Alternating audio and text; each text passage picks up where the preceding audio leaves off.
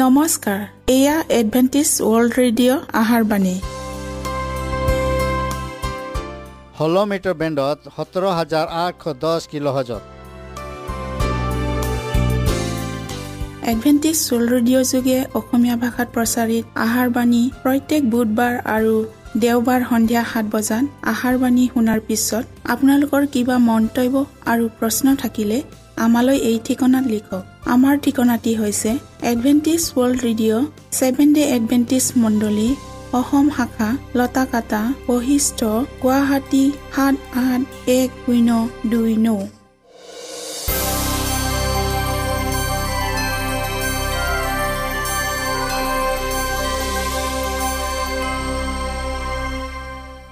প্ৰিয় শ্ৰোতা বন্ধুসকল এতিয়া শুনো আহক এটি খ্ৰীষ্টীয় ধৰ্মীয় গীত।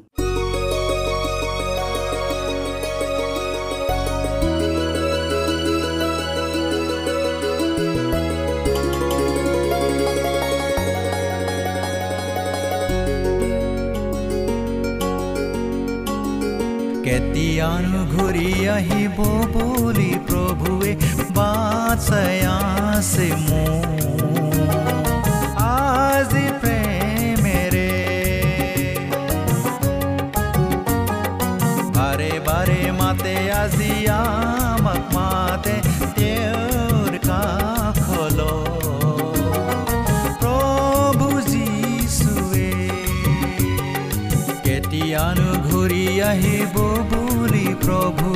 প্ৰভুৱে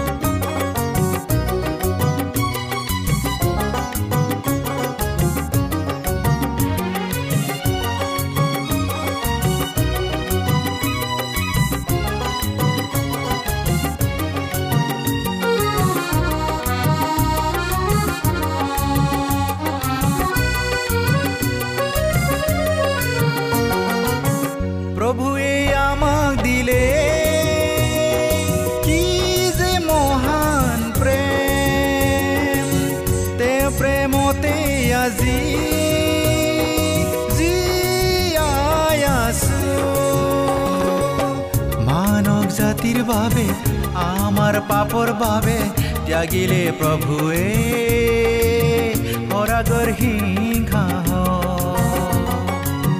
মানৱ জাতিৰ বাবে আমাৰ পাপৰ বাবে ত্যাগিলে প্ৰভুৱে সৰাগৰ সিংহা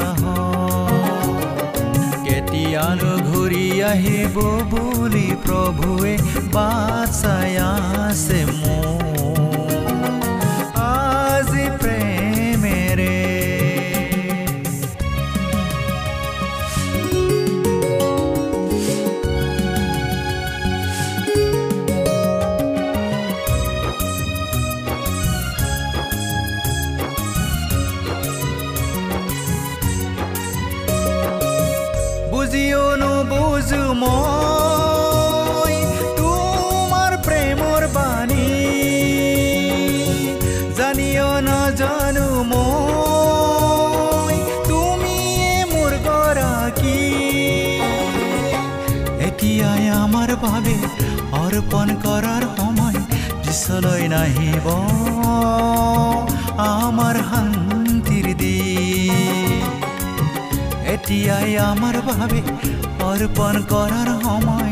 পিছলৈ নাহিব।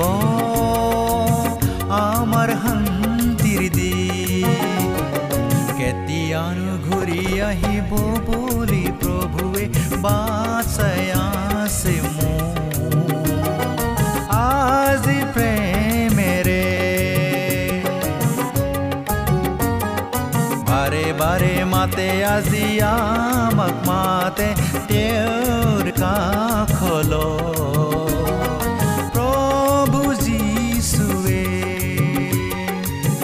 কেতিয়ানো ঘূৰি আহিব বুলি প্ৰভুৱে বাচাই আছে মোৰ আজি প্ৰেমেৰে বাৰে মাতে আজি আমাক মাতে তেওঁৰ কাষল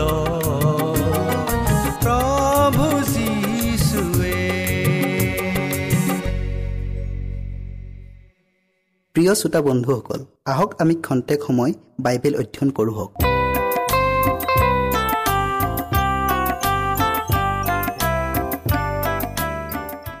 আজি আমি মানুহৰ অনুগ্ৰহ বন্ধ হোৱাৰ বিষয়টি অধ্যয়ন কৰোঁ হওক।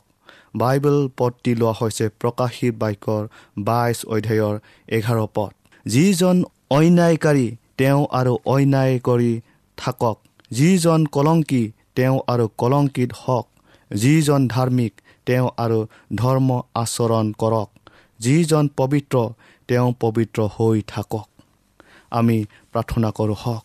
স্বৰ্গত থকা জীৱনময় গৰাকী ঈশ্বৰ জেহুৱা ধন্যবাদ প্ৰভু আকৌ এই বিশেষ সুন্দৰ সময় আমাক দিয়াৰ বাবে।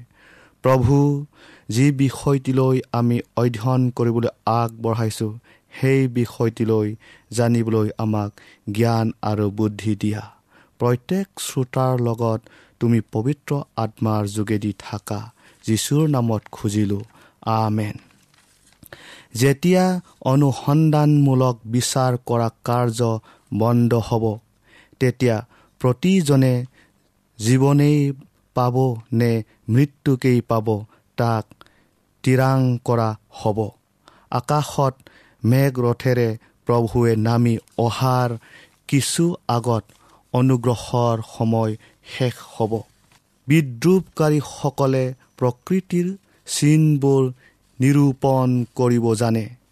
বতৰ আৰু ঋতুৰ সম্পৰ্কে সিহঁতৰ জ্ঞান আছে। সিহঁতে জানে যে নীলা আকাশ কেতিয়াও বৰষুণ নিদিয়ে। নীলা আকাশৰ ৰাতি ঘাঁহনীয় নিশৰহে পৰে। আৰু সিহঁতে ৰিঙিয়াই কয় এইবোৰ কথা তেওঁ দৃষ্টান্তত কোৱা নাইনে? ঘৃণা আৰু অৱজ্ঞাৰে সিহঁতে ধাৰ্মিকতাৰ শিক্ষকগৰাকীক বলিয়া বুলিহে অভিহিত কৰিছিল। আৰু নিজ নিজ কামত আৰু আমোদ প্ৰমোদত লিপ্ত হৈছিল। পূৰ্বতকৈ অধিকভাৱে অসৎ পথত অগ্ৰসৰ হৈছিল। কিন্তু সিহঁতৰ অবিশ্বাসে ভৱিষ্যবাণী কৰি থোৱা দুৰ্ঘটনাটোক নঘটাকৈ ৰাখিব নোৱাৰিলে। সিহঁতৰ দুষ্টতাক ঈশ্বৰে দীৰ্ঘদিন শোষণ কৰিছিল। নিজ পাপৰ বাবে অনুতাপ কৰিবলৈ সুন্দৰ সুযোগ প্ৰদান কৰিছিল। কিন্তু নিৰূপিত সময়ত তেওঁৰ কৰোণাক অগ্ৰাহ্য কৰা সকলৰ ওপৰত সোধ বিচাৰ আহিছিল। খ্ৰীষ্টই ঘোষণা কৰিছে যে তেওঁৰ দ্বিতীয় আগমনৰ ক্ষেত্ৰতো একেধৰণৰ অবিশ্বাস দেখা পোৱা যাব। যেনেকৈ নোহৰ দিনত মানুহে জলপ্লাৱন আহি সকলোকে উটুৱাই নিয়ালৈকে জ্ঞান নাপালে। সেইদৰে মানুহৰ পুত্ৰ আগমন হ'ব। ইয়াক আমাৰ ত্ৰাণকৰ্তাজনৰ বাইকত পোৱা যায়। যেতিয়া নিজকে ঈশ্বৰৰ মানুহ বুলি পৰিচয় দিয়াসকলে জগতৰ লগত মিত্ৰতা কৰি জগতে যিদৰে চলে সেইদৰে চলিব আৰু ঈশ্বৰৰ ঘীনলগীয়া বিষয়বোৰত ৰং তামাচাত সিহঁতে যোগদান কৰিব। যেতিয়া জগতৰ বিলাসিতাবোৰ মণ্ডলীৰো বিলাসিতাত পৰিণত হ'ব যেতিয়া বিয়াৰ ঢোল পেঁপা বাজি থাকিব আৰু বহু বছৰ ধৰি জগতৰ সা সম্পত্তিবোৰ ভোগ কৰিম বুলি আশা পালি থাকিব। তেতিয়া আকাশত বিজুলীৰ পোহৰ জ্বলি উঠাৰ দৰে হঠাৎ সিহঁতৰ গৌৰবজল ভৱিষ্যত আৰু মায়াময় আশা আকাংক্ষাবোৰ ধূলিসাত হ'ব। অনুগ্ৰহৰ সময় অন্ত পৰাৰ লগত সম্পৰ্ক থকা ঘটনাবোৰৰ বিষয়ে আৰু মহাক্লেশৰ সময়ৰ বাবে নিজকে প্ৰস্তুত কৰা কাৰ্যৰ বিষয়ে স্পষ্টকৈ উপস্থাপন কৰা হৈছে। এইবোৰক যেন কেতিয়াও কোৱা হোৱা নাই এনে অৰ্থত বহুতো লোকে এই বিষয়ে এতিয়াও একোকে বুজি পোৱা নাই। পৰিত্ৰাণ সম্পৰ্কীয় বিষয়ত তেওঁবিলাকক জ্ঞানী কৰিব পৰা প্ৰতিটো বিষয়ক তেওঁবিলাকৰ পৰা আঁতৰাই ৰাখিবলৈ ছয়তানে অনবৰতে চুপ লৈ আছে আৰু মহাক্লেশৰ সময়ত তেওঁবিলাকক অপ্ৰস্তুত অৱস্থাত পোৱা যাব। প্ৰথম টিচলনীয়া পাঁচ অধ্যায়ৰ এক আৰু দুই পদটো আমি পঢ়োঁ হওক কিন্তু সেই ভাইবিলাক সেই কাল বা সেই সময়ৰ কথা মই তোমালোকলৈ লিখিবলৈ তোমালোকৰ প্ৰয়োজন নকৰে। কিয়নো ৰাতি যেনেকৈ চোৰ আহে তেনেকৈ প্ৰভুৰ দিন আহিব ইয়াক তোমালোকে নিশ্চয়কৈ জানা। ধাৰ্মিক আৰু দুষ্ট উভয়ে নিজৰ নিজৰ মৰ্ত শৰীৰ লৈ পৃথিৱীত এতিয়াও বসবাস কৰি আছে। মানুহে বৃক্ষ ৰোপণ কৰিব আৰু গৃহ সাজিব ভোজন আৰু পাণ কৰিব। কিন্তু ধৰ্মধামত যে অন্তিম আৰু অপৰিৱৰ্তনীয় সিদ্ধান্ত লোৱা হৈ গৈছে তাৰ প্ৰতি কাৰোৰে ভ্ৰুক্ষেপ নাই। জলপ্লাৱনৰ আগত নো জাহাজত প্ৰৱেশ কৰাৰ পাছত ঈশ্বৰে সি ভিতৰত সোমোৱাৰ পাছতে জাহাজৰ দুৱাৰখন বন্ধ কৰি দিছিল আৰু ঈশ্বৰক নমনাসকলক বাহিৰত ৰাখিছিল। কিন্তু সাত দিনৰ পিছত যে তেওঁবিলাকৰ ওপৰত সৰ্বনাশ নামি আহিব তাক লোকসমূহে জনা নাছিল। তেওঁবিলাকে অসাৱধান হৈয়ে সিহঁতৰ ৰং তামাচা আৰু আমোদ প্ৰমোদত মত্ত হৈ আছিল।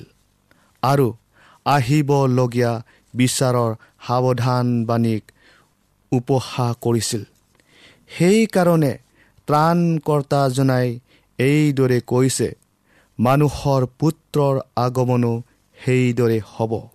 অতি নীৰৱ নিস্তব্ধতাৰে মাছ ৰাতিৰ চোৰৰ নিচিনাকৈ সেই অন্তিম সিদ্ধান্তৰ সময় আহিব যিটোৱে প্ৰতিজন ব্যক্তিৰ গন্তব্য স্থান নিৰ্ধাৰণ কৰিব আৰু পাপীজনক প্ৰদান কৰা কৰোণা সেইদিনা উঠাই লোৱা হ'ব। লোকসকলে মাৰাত্মক নিৰাপত্তাকে আচল নিৰাপত্তা বুলি সকাহ লৈছে। এনেবোৰ লোক ঈশ্বৰৰ ক্ৰোধ তেওঁবিলাকৰ ওপৰত পৰিলেহে চেতনা পাব। পৃথিৱীত অনুগ্ৰহৰ সময় অন্ত পৰাৰ সময়ত প্ৰভুৰ বিচাৰো অন্ত পৰিব আৰু ভয়ানক উৎপাতবোৰ আহিবলৈ আৰম্ভ কৰিব। তেতিয়া যিসকলে ঈশ্বৰৰ বাক্যক অৱজ্ঞা কৰিছিল যিসকলে ঈশ্বৰৰ বাক্যক গুৰুত্ব দিয়া নাছিল। তেওঁবিলাকে ঈশ্বৰৰ বাক্য বিচাৰি সাগৰৰ পৰা সাগৰলৈ উত্তৰৰ পৰা দক্ষিণলৈ আৰু এনেকি পূবৰ পৰা পশ্চিমলৈ লৰ ধৰিব। সিপালৰ পৰা সিপালে দৌৰি হাবাতৰি খাব। কিন্তু তেওঁবিলাকে ইয়াক বিচাৰি নেপাব। ঈশ্বৰৰ পৰিচৰ্যা কৰাবিলাকে তেওঁবিলাকৰ শেষ কাৰ্য কৰি অতালে। তেওঁবিলাকৰ অন্তিম প্ৰাৰ্থনা পূৰ্ণ হ'ল। বিদ্ৰোহী মণ্ডলী আৰু ঈশ্বৰৰ ভক্তিহীন লোকসমূহৰ বাবে তেওঁবিলাকে অন্তিম তৃত্বতাপূৰ্ণ চকুলো ঢুকিলে। প্ৰিয় শ্ৰোতা বন্ধুসকল যীশুখ্ৰীষ্টই যেতিয়া তলত দিয়া কথাখিনিক কৈছিল তেতিয়া আমাৰ দিনৰ সময়খিনিৰ ওপৰত স্থিৰ দৃষ্টি ৰাখিয়ে কৈছিল অ অ তোমাৰ এই দিনত শান্তিজনক কি তাক তুমি জনা হ'লে? এয়া সেইদিনেই অ হেৰা মণ্ডলী তোমালোককতো ঈশ্বৰৰ বিধানৰ ভৰালি পাতিছিল তোমালোকে কি কৰিলা? এই দিনৰ বিশ্বাস আৰু অনুগ্ৰহৰ সময় অন্ত পৰিবৰ হ'ল। প্ৰিয় শ্ৰোতা বন্ধুসকল অতি দ্ৰুত গতিত সূৰ্য পশ্চিম ফালে মাৰ গৈছে। ইয়াৰ উদয় হোৱা কথাটোকো আপোনালোকে নজনাকৈ থাকিবানে? যিটো আপোনালোকৰ বাবে শান্তিজনক বিষয় আছিল। যদি সেয়াই হয় তেন্তে আপোনালোকৰ বাবে অপৰিৱৰ্তনীয় সেই বাণী প্ৰয়োজ্য হ'ব। এতিয়া আপোনালোকৰ চকুৰ পৰা তাক লুকোৱা হৈছে। ঈশ্বৰৰ প্ৰচুৰ আশীৰ্বাদ আপোনাৰ লগৰ লগত থাকক।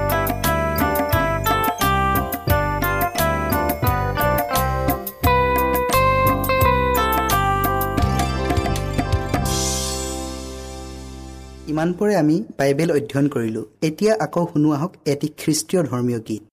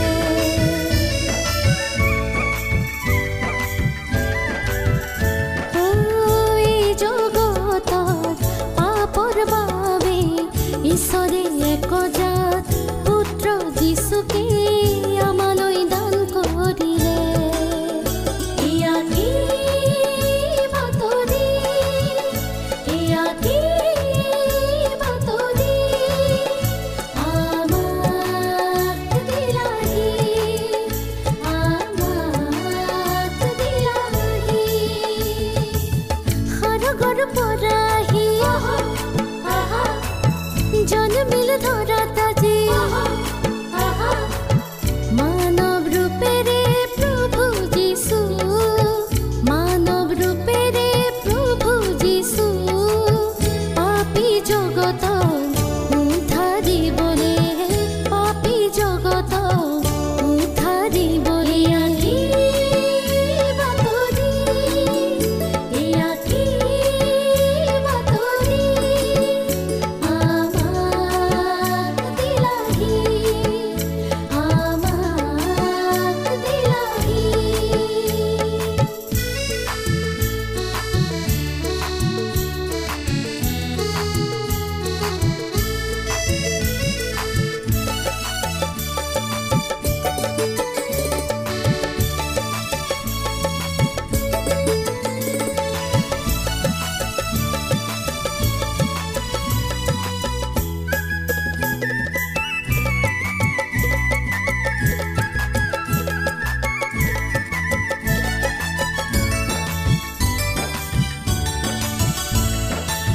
যিচুৰ বাবে